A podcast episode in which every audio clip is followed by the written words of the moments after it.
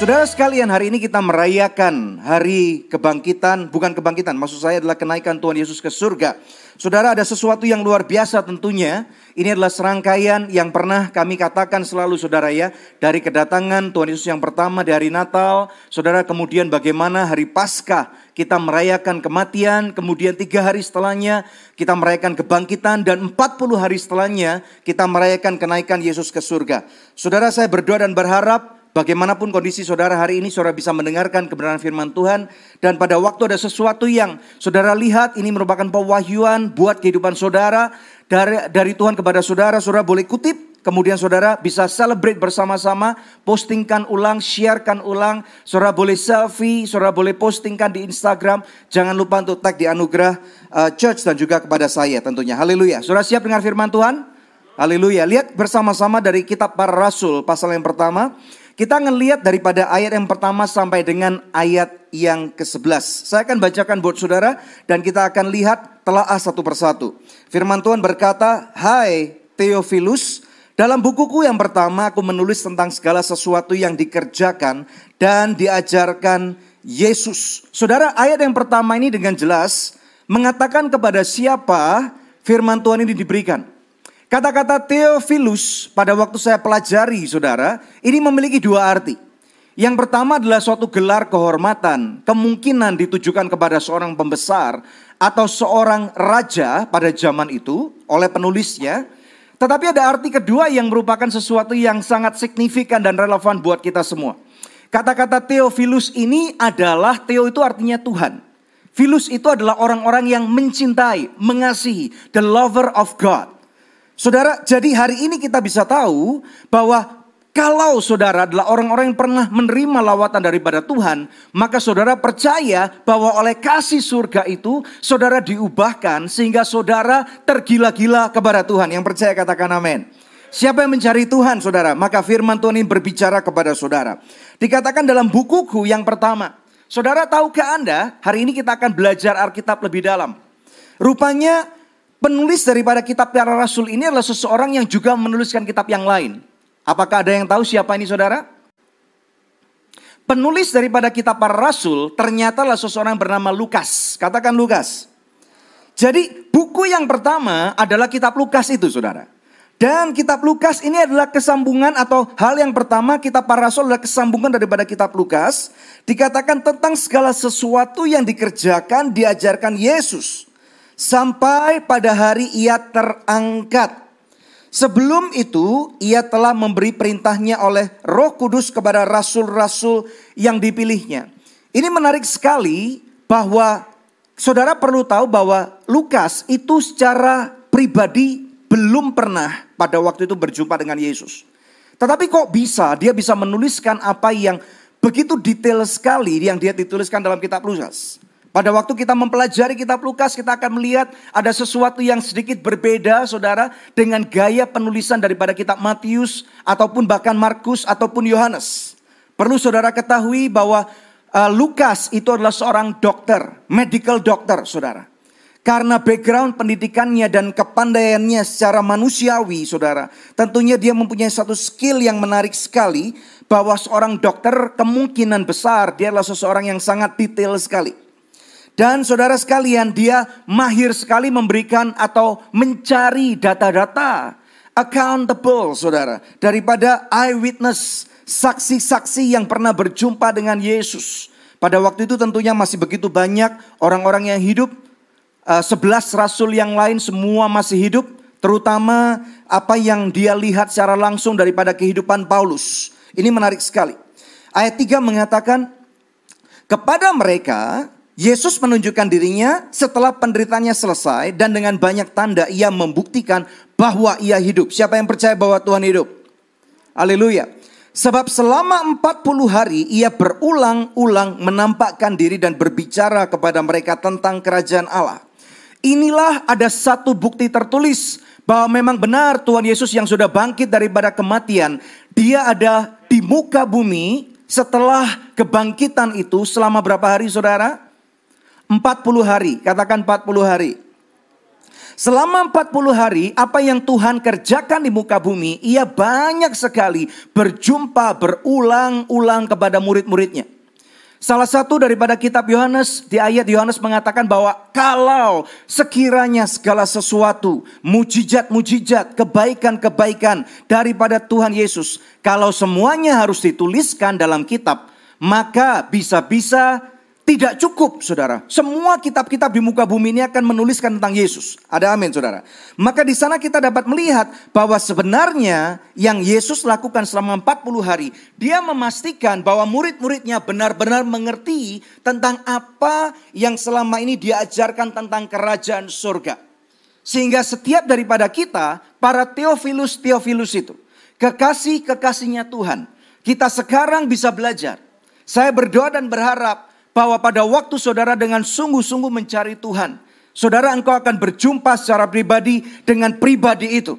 Dengan Yesus Kristus, penebus yang hidup, yang percaya katakan amin. Ayat 4 mengatakan, pada suatu hari ketika ia makan bersama-sama dengan mereka, ia melarang mereka meninggalkan Yerusalem dan menyuruh mereka tinggal di situ, menantikan janji Bapa yang demikian katanya, telah kamu dengar daripadaku, ayat 5. Sebab Yohanes membaptis dengan air, tetapi tidak lama lagi kamu akan dibaptis dengan Roh Kudus. Katakan dibaptis Roh Kudus. Saudara, baptisan Roh Kudus ini menarik sekali karena saudara, baptisan Roh Kudus terjadi karena adanya Pentakosta, yaitu 50 hari setelah kebangkitan itu. Dan saudara, baptisan roh kudus adalah bukan sesuatu yang bisa cuma diminta atau dipelajari saja. Tetapi kalau roh kudus turun ke atas saudara, ini adalah baptisan yang berbeda dengan baptisan air. Tentunya kita tahu ini adalah suatu hadiah, satu anugerah, satu kasih karunia. Sesuatu yang kita sebenarnya nggak pantas dapatin. Karena bahasa roh itu adalah bahasa daripada surga. Bahasa yang very highly encrypted saudara. Dan kalau itu diberikan kepada kita sebagai anak-anaknya, tentunya dia punya maksud dan tujuan. Mari kita lihat lebih dalam daripada ayat 6. Maka bertanyalah mereka yang berkumpul di situ.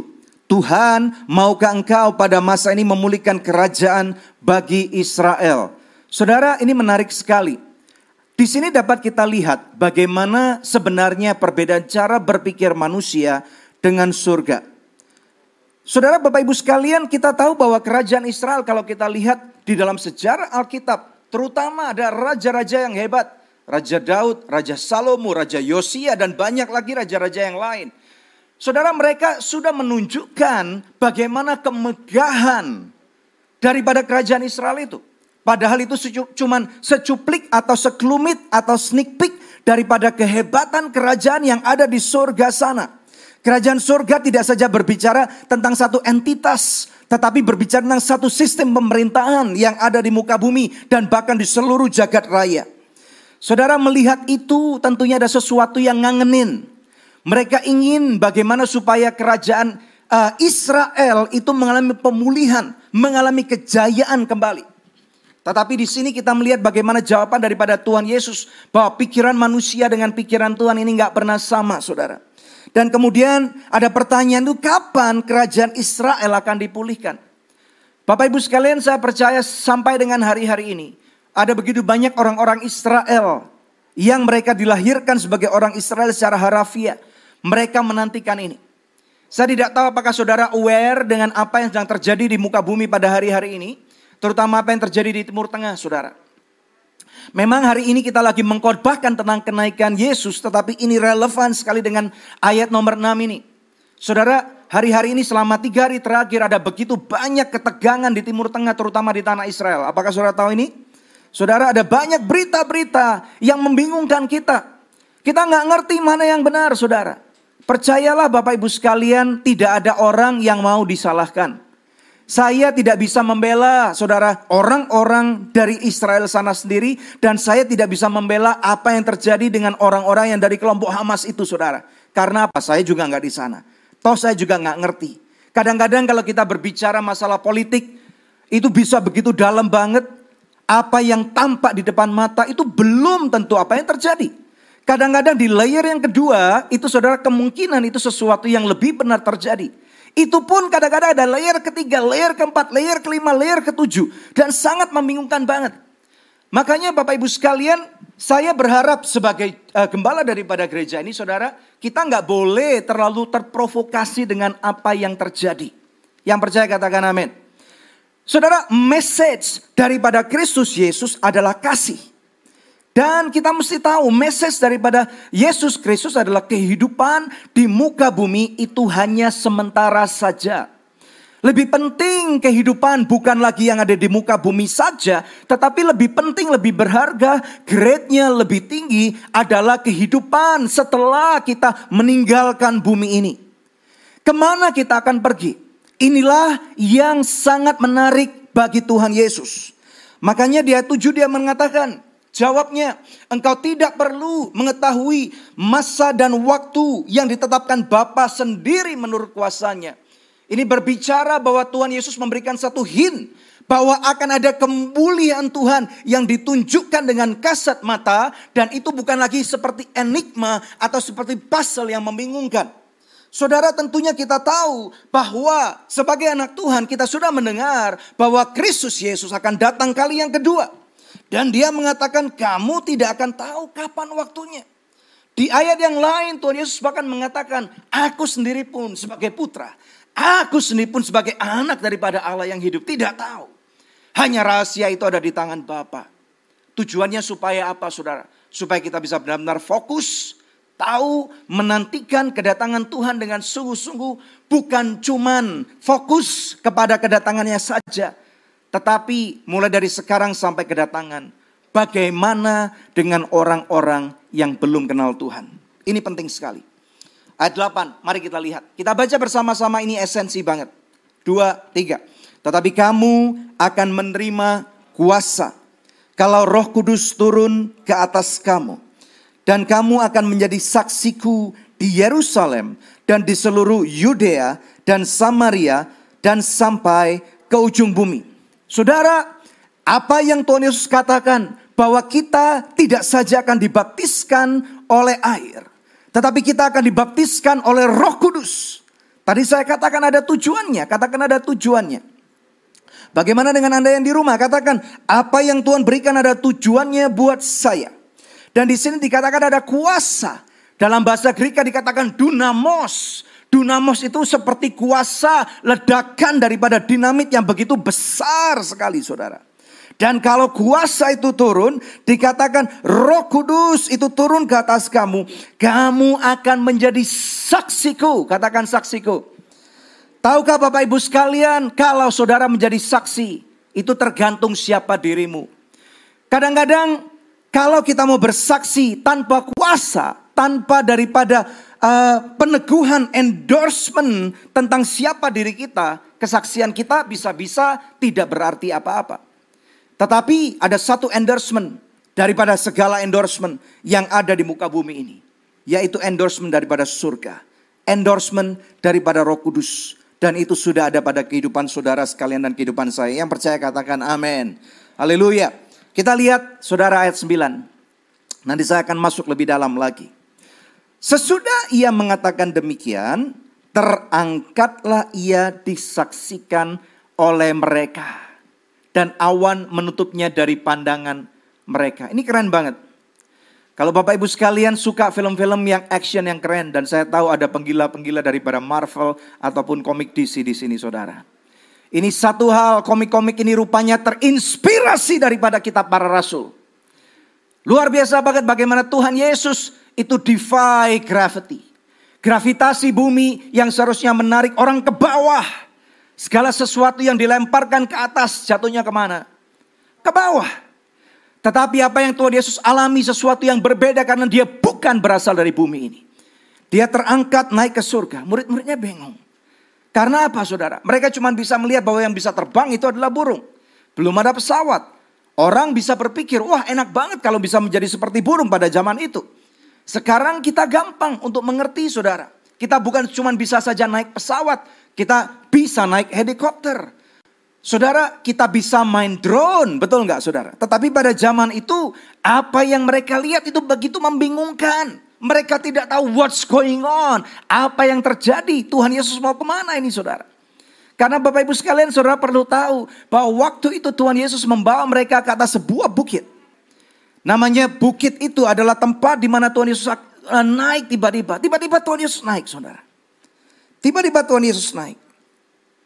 Dan mereka bengong. Katakan bengong. Sama seperti beberapa daripada saudara pada waktu mendengarkan firman Tuhan bengong. Coba lihat kiri kanan, katakan jangan bengong. Yang di rumah jangan bengong. Dengar firman Tuhan fokus, ada amin.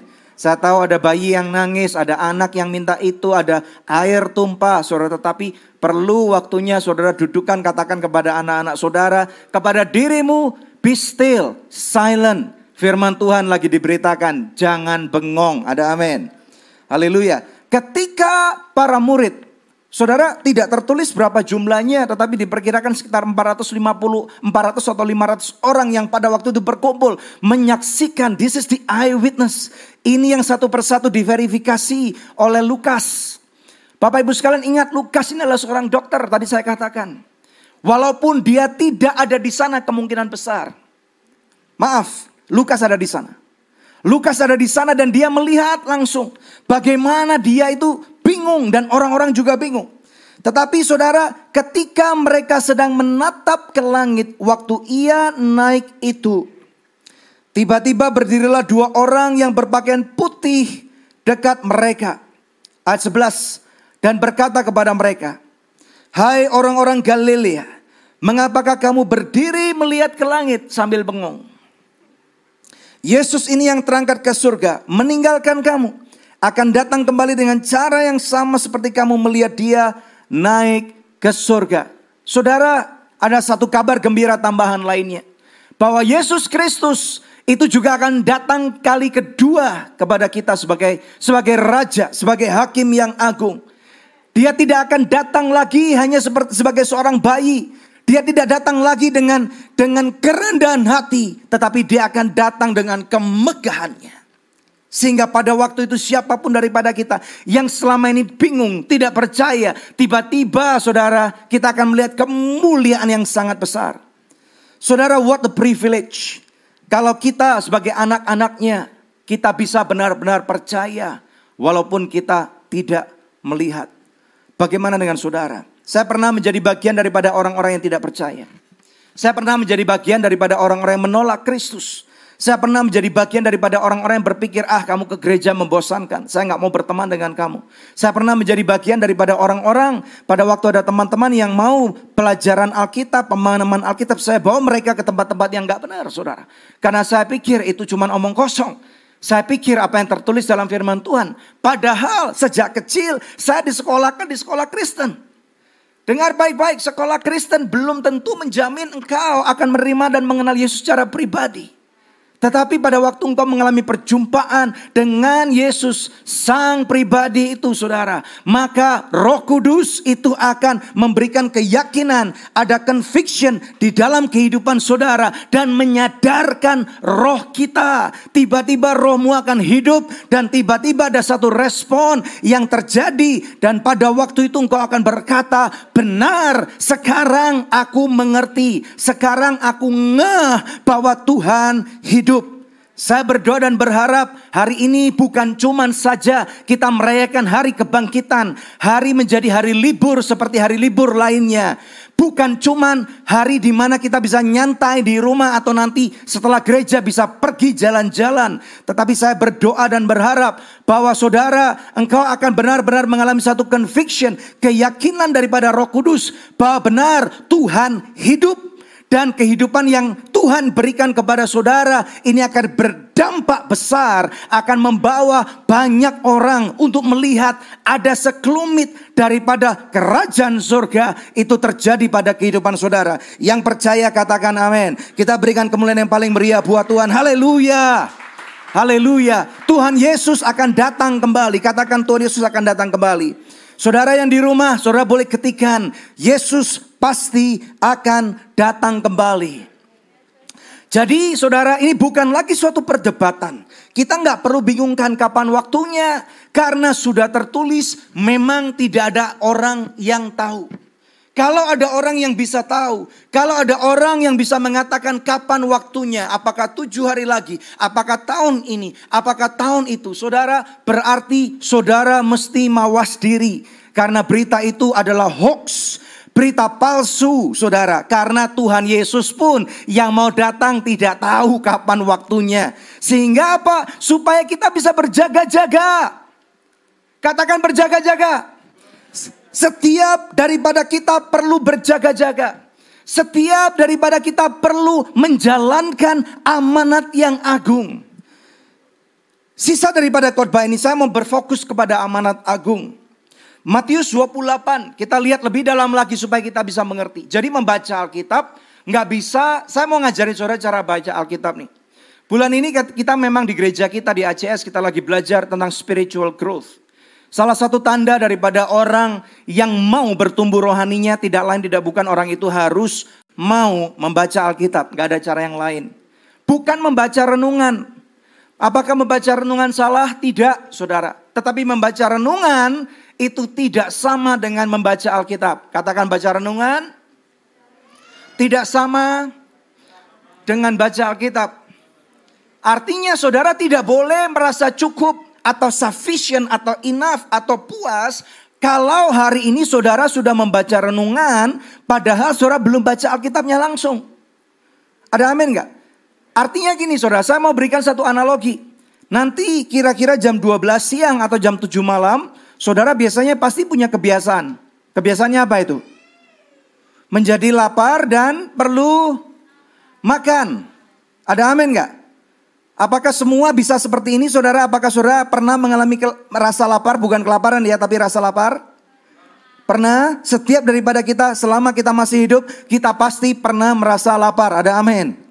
Ya, bayangkan kalau saudara merasa lapar, kemudian saudara pergi kepada temanmu atau kepada orang tuamu, kemudian mereka akan berkata, "Iya, kamu makan ayam goreng yang gurih banget."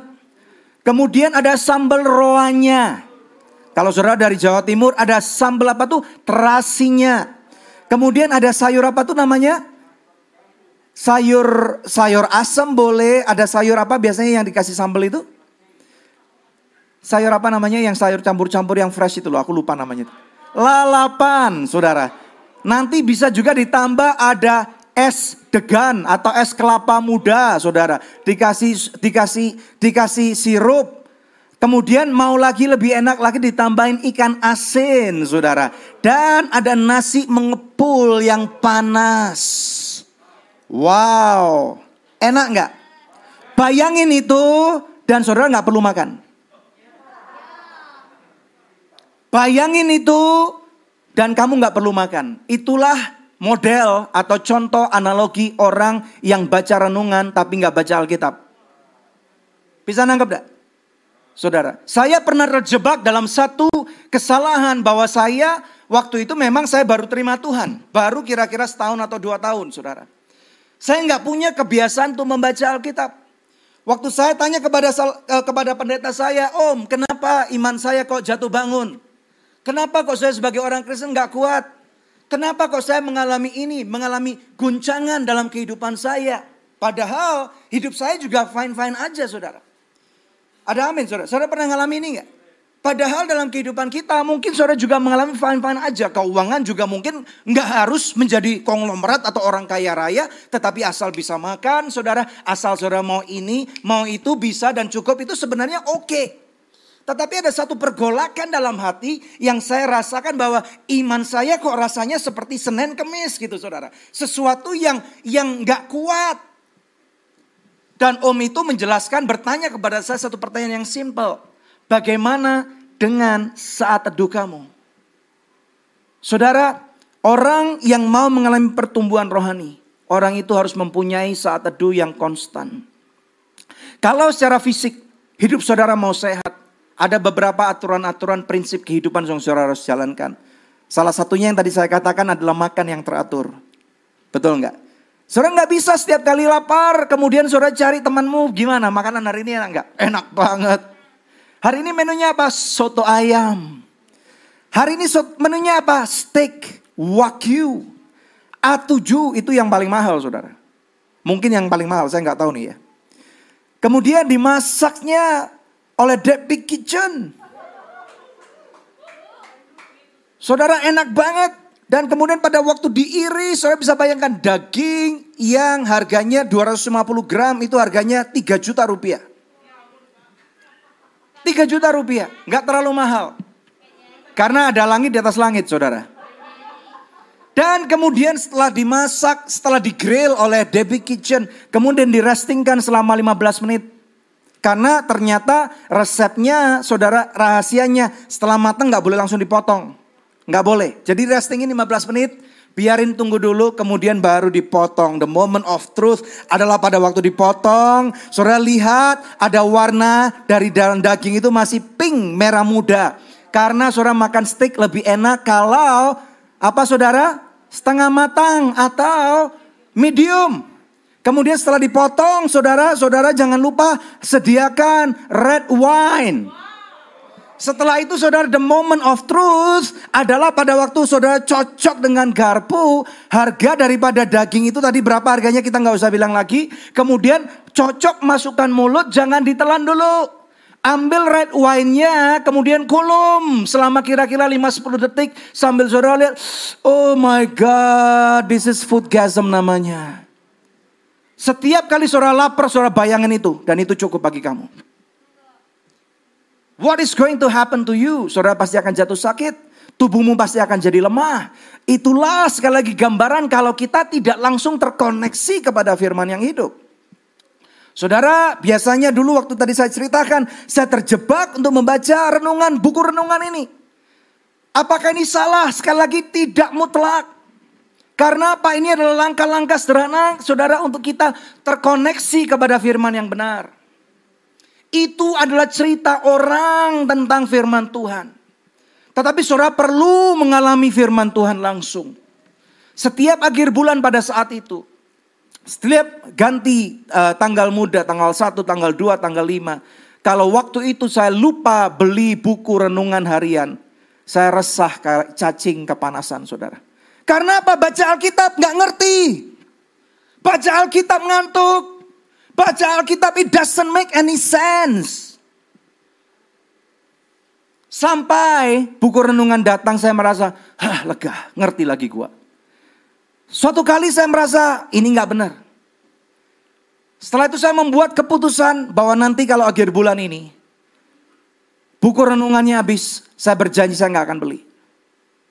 Dan kemudian saudara, pada waktu saya mau nggak beli, perlu waktu satu minggu untuk saya bisa adjust Saudara berubah mindset bahwa saya nggak mau cuma dengar cerita orang makan steak Wagyu A7 itu enak, tetapi saya mau mengalami sendiri bahwa makan steak itu enak. Walaupun saudara belum mampu beli steak A7, tetapi kalau saudara beli steak yang fresh, yang gak basi, saudara masak dengan baik, ternyata masak steak itu murah banget.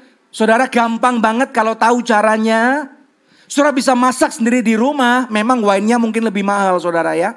Dan kalau saudara ngalamin itu, dan kemudian saudara potong dan masukkan di mulut saudara sendiri, nyam. Itu rasanya nggak ada duanya. Waktu engkau mengalami perjumpaan dengan firman yang hidup itu, nggak ada duanya deh saudara. Saya mengalami secara pribadi, waktu itu kami baru menikah. Dan kemudian saya mengalami kebingungan karena kondisi perekonomian yang tidak menentu karena waktu itu tahun 98. Ada krisis moneter yang begitu besar yang saya katakan mirip sekali dengan zaman-zaman ini.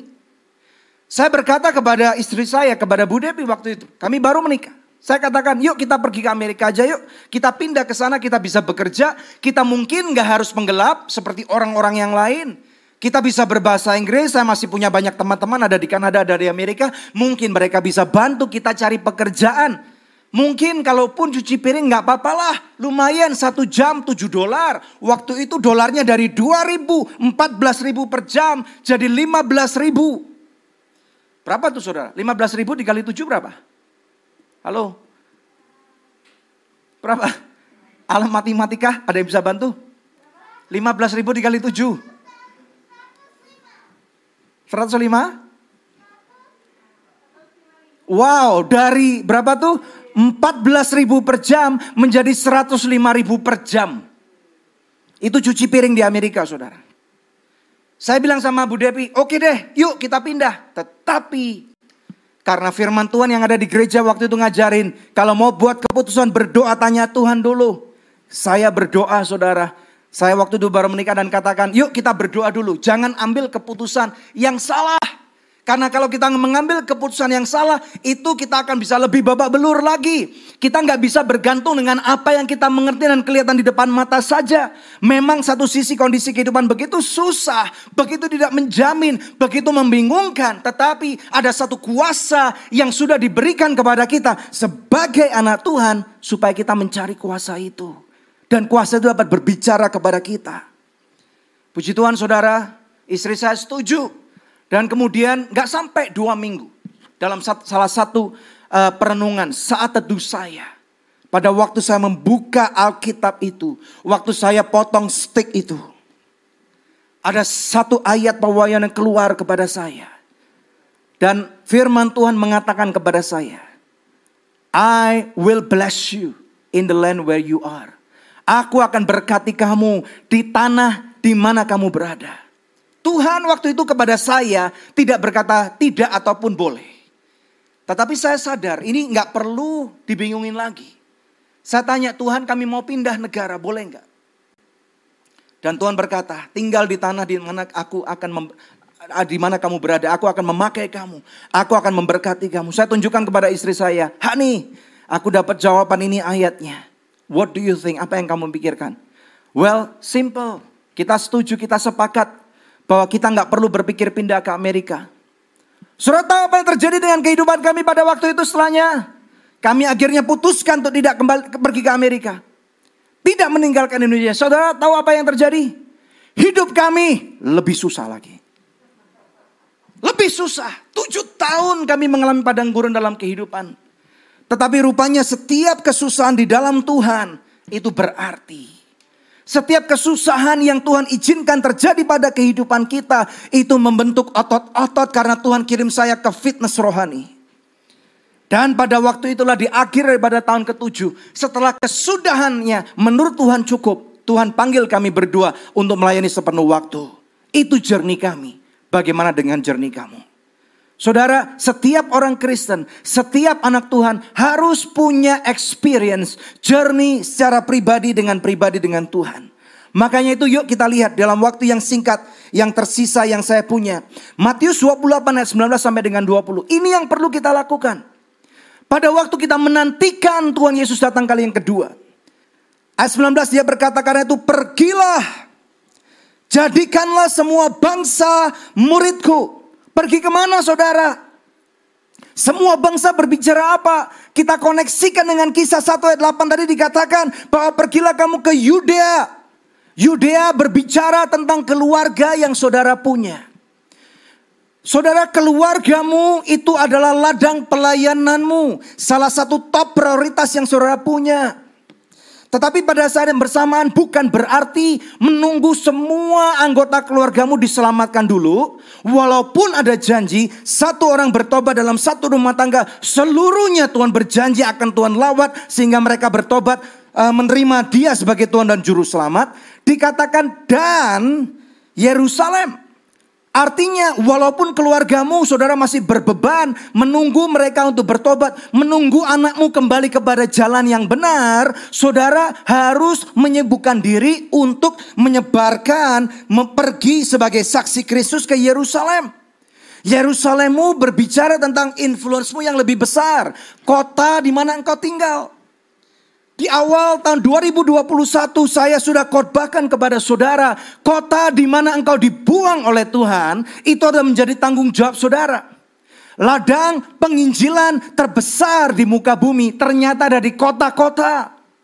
Bukan kebetulan kalau Tuhan tempatkan saudara di kota di mana saudara berada saat ini. Mungkin di Jakarta seperti kita, mungkin di Surabaya, mungkin di Medan, mungkin di Singapura, mungkin di Melbourne, mungkin di Batu Rube, mungkin di Luwuk, mungkin di uh, Sidikalang saudara. Di mana pun Tuhan tempatkan engkau sebagai kota di mana engkau hidup saat ini, itulah Yerusalemmu. Dikatakan juga dan Samaria. Samaria ini berbicara apa? Kepada orang-orang yang memusuhi saudara. Kepada orang-orang bahkan yang saudara bahkan mungkin nggak suka kepada mereka. Kita tetap punya tanggung jawab moral menjadi saksinya Kristus dan bahkan sampai ke ujung bumi. Makanya di gereja ini kita harus percaya inilah yang harus kita lakukan menjadi pengusaha, menjadi dokter, menjadi engineer, menjadi pekerjaan apa pun juga itu tidak masalah. Yang seharusnya kita harus orientasikan semua pekerjaan-pekerjaan ini adalah baik. Semua bisnis-bisnis ini adalah baik. Dan Tuhan bisa pakai bisnis saya untuk mempermuliakan namanya. Tahukah saudara bahwa pekerjaanmu, occupationmu, bisnismu itu seharusnya menjadi part-time job saudara. Karena full-time job saudara adalah menjadi anak Tuhan dan menjadi saksi Kristus. Apakah saudara harus bekerja, apakah saudara harus menjadi hamba Tuhan seperti saya? Tidak. Tetapi di tempat influence di mana Tuhan tempatkan saudara, ada perintah Tuhan, kamu jadi saksi Kristus di sana. Katakan aku mau jadi saksi Kristus. Berapa banyak yang mau jadi saksi Kristus? Haleluya. Bagaimana kamu yang di rumah? Mau jadi saksi Kristus gak? Haleluya saudara. Ada banyak orang-orang yang lihat saudara. Mereka menantikan apa yang Eh, Yosua londa, apa yang David londa, dua-dua londa ada di sini sekarang nih. Puji Tuhan, kita berikan tepuk tangan bagi Tuhan, saudara. Haleluya. Apa yang uh, Rico White lakukan di tempat pekerjaannya. Apa yang itu Agatha Londa juga banyak londa hari ini saudara ya. Haleluya. Apa yang Indawati lakukan. Apa yang Yuni lakukan. Apa yang Yehezkiel lakukan. Apa yang Leoni lakukan. Apa yang Simeon Nyoto lakukan. Ini saudara berdampak lurus bagaimana orang melihat kerajaan surga melalui kehidupan saudara. Yang percaya katakan amin. Dan ini perintah Tuhan yang pertama. Yang kedua, baptislah mereka. Yuk kita lihat saudara bahwa Yesus Kristus bagi segala bangsa. Kita lihat slide itu. Saudara kita mesti tahu segala semua orang telah berdosa. Mereka kehilangan kemuliaan Tuhan. Dan kita mesti tahu ada satu ayat yang mengatakan, ini bukan kata Pastor Daniel, tetapi kata Tuhan Yesus. Yohanes 14 ayat 6. Perhatikan, ini penting sekali. Kata Yesus kepadanya, Akulah jalan dan kebenaran dan hidup. Tidak ada seorang pun yang datang kepada Bapa kalau tidak melalui aku. Dengar baik-baik saudara, ini bukan kata saya. Ini bukan kata agama. Tetapi kata pemilik surga. Saudara, kalau saudara masuk ke sebuah kantor punya kartu akses bisa nggak? Belum tentu. Kalau kartu aksesmu sudah diblokir sama yang punya nggak bisa masuk. Tetapi kalau saudara yang punya gedung, kalaupun kartumu ada glitch, saudara tinggal WA kepada staff IT saudara. Bro, bukain, gua mau masuk. Saudara bisa masuk nggak? Langsung dibuka. Ini yang punya surga, yang punya sistem di atas sistem. Dia yang berkata, I am the way. I am the truth. I am the life. Enggak ada satupun datang kepada Bapa. Enggak ada satupun yang akan bisa masuk ke dalam kerajaan surga itu. Enggak ada satupun yang akan bisa melihat kemuliaan Allah. Enggak ada satupun yang akan bisa datang kepada tahta kasih karunia. Kalau tidak melalui aku. Dengar baik-baik. Hai anak-anak muda. Hai generasi Y, generasi milenial, hai generasi Z, hai generasi Alpha. Tahun berapapun kamu dengar firman Tuhan ini. Kalau ada pengajaran yang lain yang mengatakan ada cara lain menuju surga, hati-hati. Karena kamu akan disesatkan. Kalau ada termasuk mereka yang mengaku hamba Tuhan. Yang mengatakan berhati-hati dengan ruangan nomor 8. Saudara yang berhati-hati kepada orang itu. Karena apa saudara? Yang punya gedung bukan cuma ruang nomor 8 sudah mengatakan kamu nggak bakal masuk kalau kamu nggak lewat aku. Destinasi kita buang, bukan ruang nomor 8. Destinasi kita sebagai anak daripada Allah yang hidup. Yesus kepala dan kita tubuhnya. Haleluya. Maka kita harus kuat tertanam kepada kebenaran firman Tuhan. Jangan mau diombang-ambingkan oleh orang-orang termasuk yang apakah mereka orang yang tidak populer, orang-orang yang populer, orang-orang yang punya centang biru, siapa pun mereka, kalau tidak selaras dengan kebenaran firman Tuhan, saudara abaikan mereka. Makanya saudara keberadaan saudara dan saya, kalau kita berada di tertanam di suatu gereja lokal, ini untuk membantu memastikan to ensure bagaimana pertumbuhan rohani saudara bertumbuh dengan baik. Ada satu ayat dalam firman Tuhan mengatakan, memang kita bukan tunas yang utama itu karena tunas utama itu adalah orang Israel. Kita adalah tunas yang dicangkokkan, tetapi tetap aja kita tidak bisa menjadi tanaman liar. Taman, tanaman liar apakah bisa berbuah? Bisa, tetapi nggak akan sempurna. Nggak akan yang menjadi yang terbaik seperti yang pemilik tanah maui, saudara. Tetapi kalau saudara tertanam dengan baik, maka saudara akan bisa dibersihkan. Saudara bisa ditegur, saudara bisa diluruskan kembali, dimasukkan kepada track yang benar, saudara. Sehingga hidupmu akan berbuah lebat dan mempermuliakan nama Tuhan. Yang mau berbuah dan memuliakan nama Tuhan. Mana suaranya? Berikan kemuliaan yang paling meriah buat Tuhan. Haleluya. Haleluya. Tuhan Yesus juga berkata baptislah mereka. Ada satu pertanyaan nih saudara. Kita lihat slide yang ke-13. Sudahkah kamu kenakan cincin kawin kekristenanmu? Apa itu? Baptisan air. Saudara, Bapak Ibu sekalian, baptisan air. Saya nggak tahu ini bisa nggak difokus ke cincin saya. Ini ibaratnya seperti cincin kawin kita. Kalau saudara dalam satu relationship, tetapi saudara tidak pernah diberikan cincin. Kalau zaman sekarang kan orang di engage. Seperti baru-baru ini ada jemaat kita yang propose kepada pacarnya. Wherever you are mungkin kamu lagi lihat ini. Saudara itu nggak bakal pernah sah kalau kamu nggak pernah diberi cincin. Dan saudara kalau mengatakan nggak apa-apa kita casual aja relationship nggak bisa. Saudara akan masuk terjebak dalam zona apa tuh? friend zone yang nyaman atau TTM teman tapi mesra, tidak bisa. Harus ada satu titik pembuktian di mana kamu declare kepada masyarakat I am taken. Haleluya. Saudara, sudahkah engkau berkata, "Hey, I am taken for Jesus"? Yes, kalau saudara sampai dengan hari ini seperti cacing yang kepanasan pada waktu temanmu, pendetamu, Pastor Daniel, Pastor Debbie bertanya, udah dibaptis belum? Dan saudara kelihatan kayak cacing gini. Saudara engkau nggak serius untuk benar-benar membangun relationship dengan Yesus. Kok diam? Saudara artinya kalau saudara memang sudah taken dengan seseorang, mulai dong foto, postingkan relationship saudara di sosial media. Halo?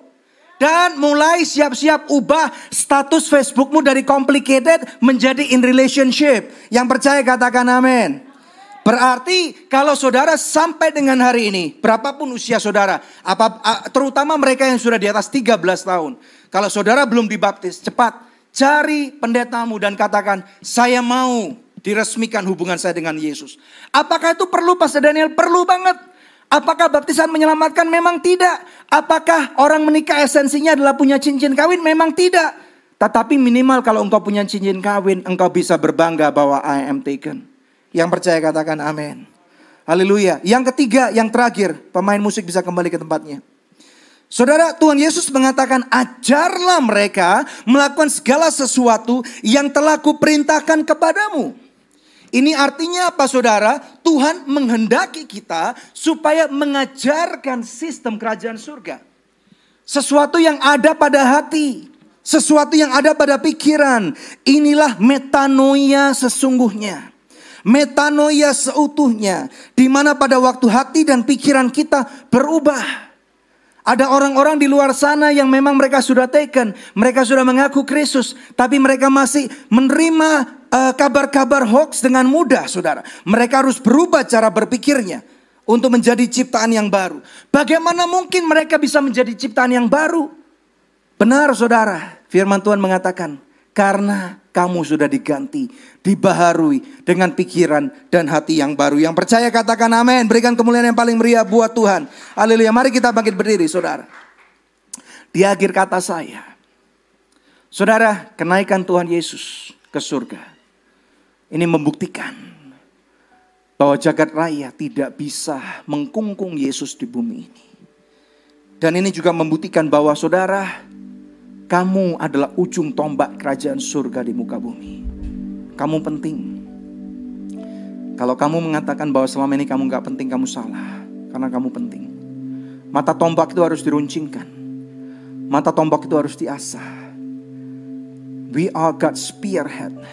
Kamu ujung tombak. Tuhan percaya dengan kamu. Pejamkan mata saudara. Mari kita berdoa. Terima kasih Tuhan kami perlu Engkau. Kami perlu Engkau. Mari saudara. Engkau yang tahu bahwa firman ini berbicara kepada engkau. Saudara boleh angkat tangan di mana engkau berdiri. Izinkan saya berdoa untuk saudara. Tuhan kami mau menjadi pelaku-pelaku kebenaran firman-Mu. Atau mungkin di antara kami ada ada yang sudah begitu jauh. Memisahkan diri dari kawanan-kawanan domba Tuhan yang hidup. Memisahkan diri menjauhi kasih karunia. Tidak kebetulan saudara mengikuti ibadah ini. Tuhan sayang sama kamu lebih sayang kamu daripada kehidupannya sendiri. Lebih sayang kamu daripada apa pun kemewahan yang dia bisa punya. Dia korbankan segala-galanya supaya kamu bisa bertobat. Ya, kamu datang kembali. Kamu adalah anak. Kamu seperti anak bungsu. Yang kamu udah mencoba sistem dunia. Kamu udah mencoba untuk bergulat dengan semua kemewahan, dengan kesundalan, dengan semua tata cara yang kamu inginkan. Dan kamu berakhir dengan makan makanan babi. Datang kembali kepada Yesus. Yes, kamu datang kembali kepada Yesus. Terima kasih Tuhan. Terima kasih. Terima kasih. Kami mau Tuhan menjalankan amanat agung. Kami minta kuasamu bekerja mendatangkan kebaikan. Buat kami untuk sadar bahwa kami nggak mau lagi Tuhan mendengarkan apa bujuk rayu dunia. Apa yang musuh itu taruh dalam hati kami. Dan biarlah selama kami masih dipercayakan nafas kehidupan ini. Kami tetap boleh menjadi pelaku-pelaku kebenaran firman-Mu. Tuhan mau berikan kamu yang terbaik saudara. Engkau terima sekarang.